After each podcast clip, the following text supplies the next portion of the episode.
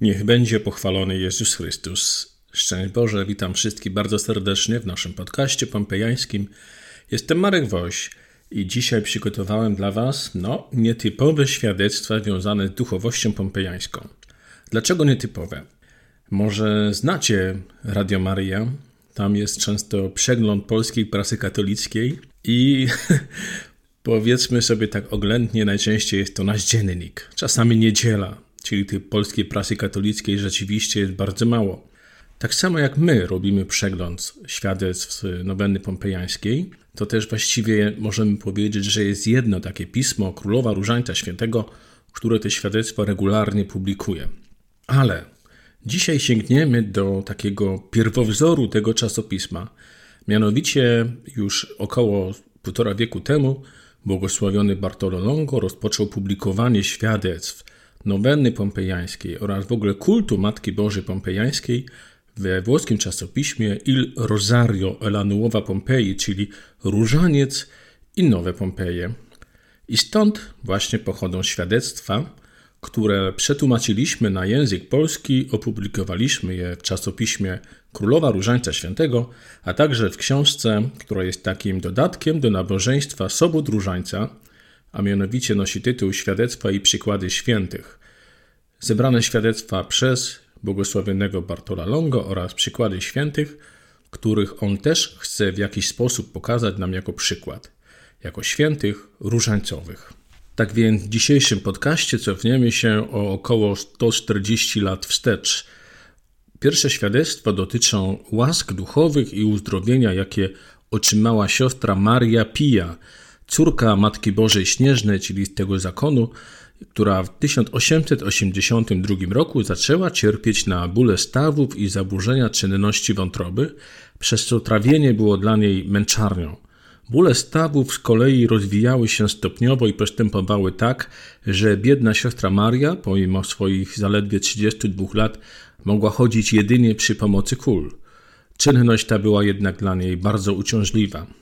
Jak pisze Bartolo Longo w relacji z tego świadectwa, w latach 1882-88 siostra Maria zażywała przeróżne lekarstwa przypisane jej przez sześciu uznanych lekarzy.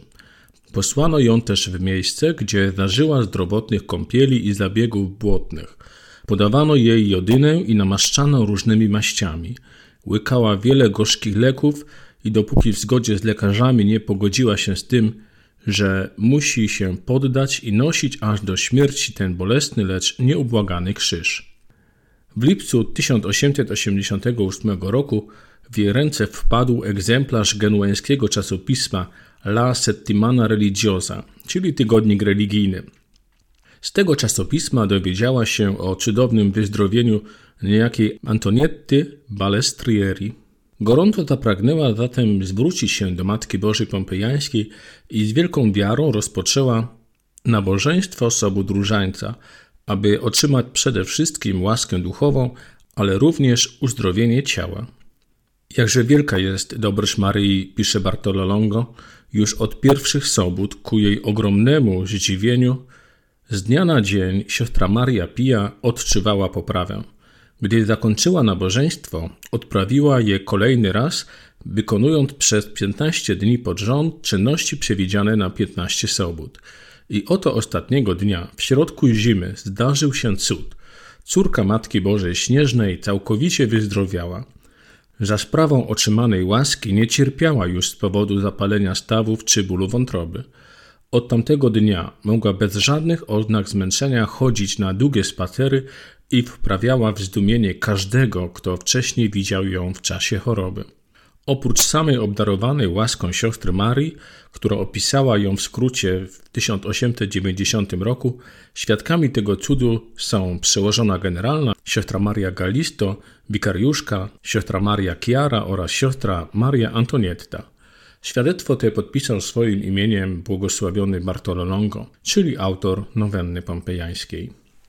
Tutaj przy okazji taka mała dygresja, bo zazwyczaj mamy w naszym czasopiśmie świadectwa nowenny pompejańskiej i także w naszym podcaście na nich się skupiamy. Jednak tu mamy mowę o nabożeństwie 15 sobót różańca.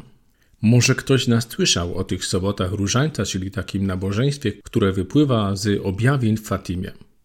Wtedy Matka Boża zachęcała dzieci, aby odprawiały nabożeństwo sobót różańca, czyli pierwszych sobót różańca i tak się ono przyjęło w kościele.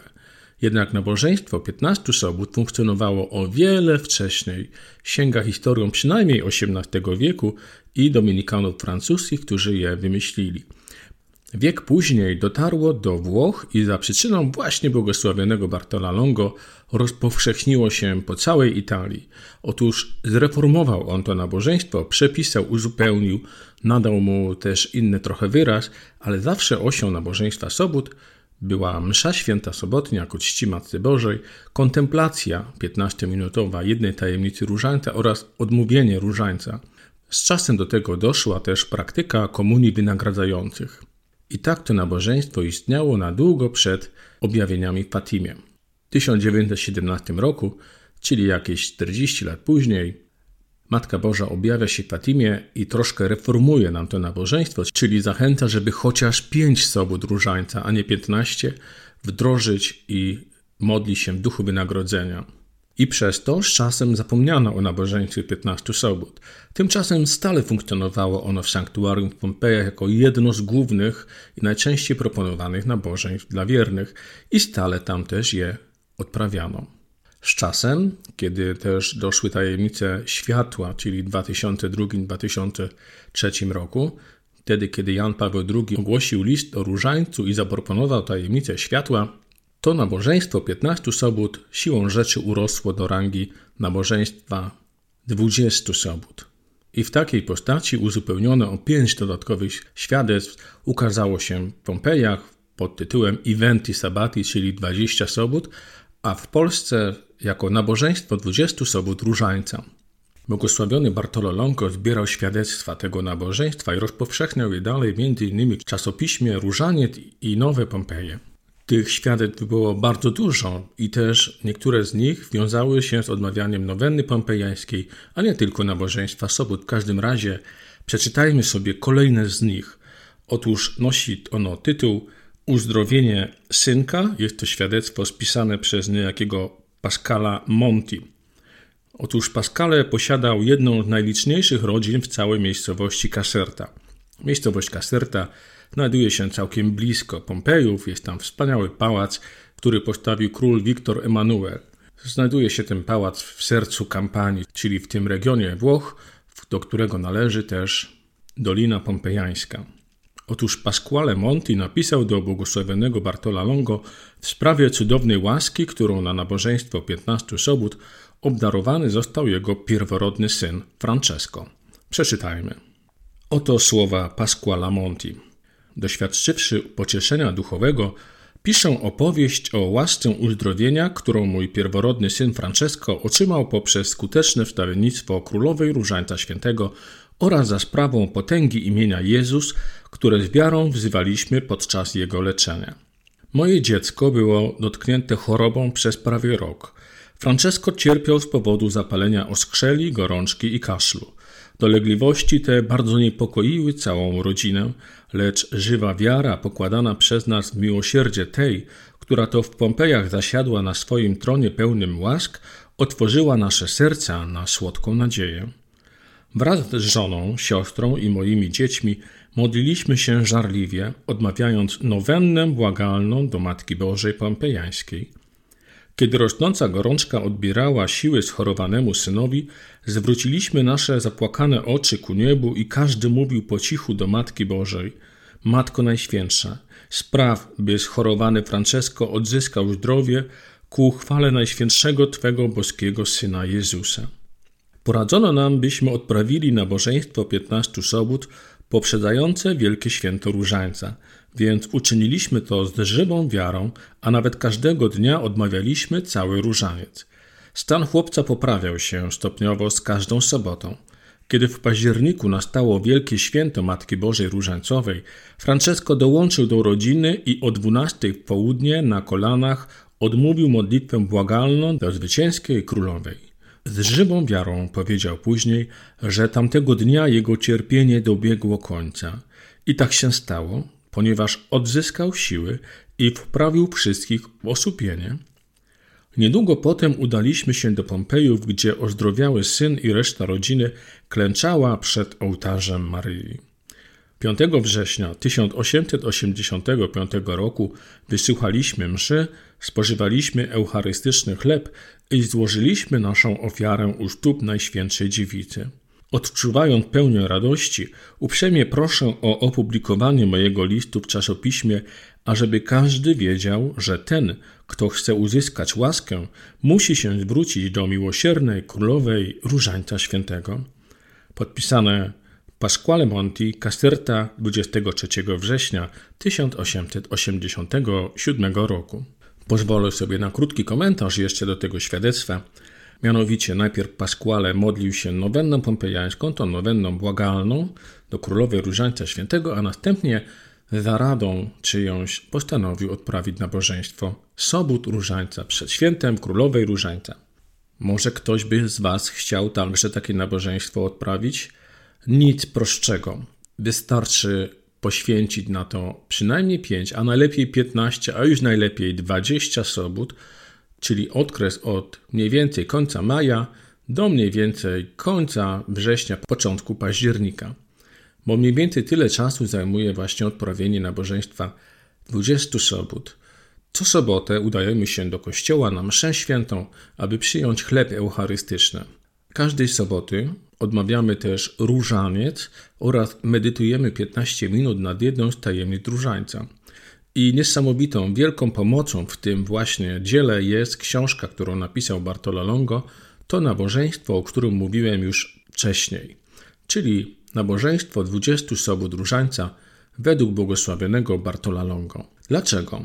Ponieważ ono zawiera rozważania napisane przez błogosławionego, trzy rodzaje rozważań, możemy wybrać przynajmniej jedno z nich i wystarczy przeczytać, jeśli komuś brakuje inwencji twórczej. Zapewniam Was, że sam z tej książki wyciągnąłem bardzo wiele. Rzeczywiście ta książka pogłębia nasze rozumienie tajemnic różańca.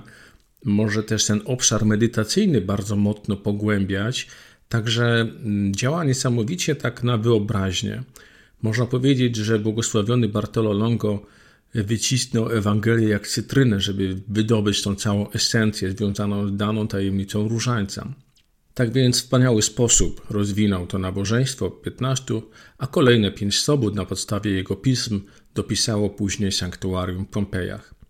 Sam też wam powiem, że odprawiłem to nabożeństwo, ponieważ kiedy nasza fundacja Królowej Różańca Świętego i nasze czasopismo i nasze działania w Polsce miały swój 20 jubileusz, postanowiliśmy odwiedzić wszystkie, jak się okazało, 20 parafii, gdzie znajdują się relikwie naszego patrona, autora nowenny pompejańskiej, błogosławionego Bartola Longo. Było to w 2022 roku.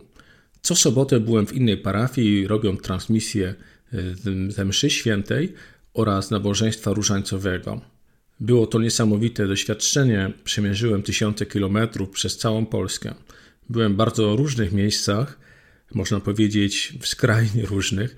Czasami było to gdzieś pod Przemyślem, na przykład Święte, czasami było to bliżej Szczecina, na przykład Barlinek. Tak więc y, przejechałem Polskę wzdłuż i wszerz i nie żałuję, bo otrzymałem łaskę, o którą się modliłem, a właściwie otrzymała ją osoba, za którą się modliłem. I ta łaska rzeczywiście okazała się być takim najlepszym rozwiązaniem danej sytuacji. Tak więc może ktoś z Was będzie się zastanawiać, czy może by tak się nie wyłamać z rytmu odmawiania nowenny pompejańskiej i przejść na nabożeństwo 20 sobót, albo po prostu, tak jak Pasquale, połączyć te dwa rodzaje pobożności i nabożeństwo sobót różańca i nowenna pompejańska. To są dwa takie filary duchowości pompejańskiej. Pisałem o tym zresztą w naszym czasopiśmie Królowa Różańca Świętego, i znajdziesz te teksty z zakresu duchowości pompejańskiej także na stronie krolowa.pl, gdzie publikujemy wszystkie nasze redakcyjne teksty. Tymczasem bardzo serdecznie dziękuję Wam za dzisiejsze spotkanie. Nowenna pompejańska dzisiaj była tak troszkę mimochodem, tylko w jednym ze świadectw i tylko na chwilę, ale myślę, że nie żałujemy, ponieważ poszerzyliśmy nasze horyzonty duchowości pompejańskiej. Bardzo serdecznie dziękuję za uwagę i do usłyszenia w kolejnym podcaście. Marek Woś z Fundacji Królowej Różańca Świętego. Dziękuję.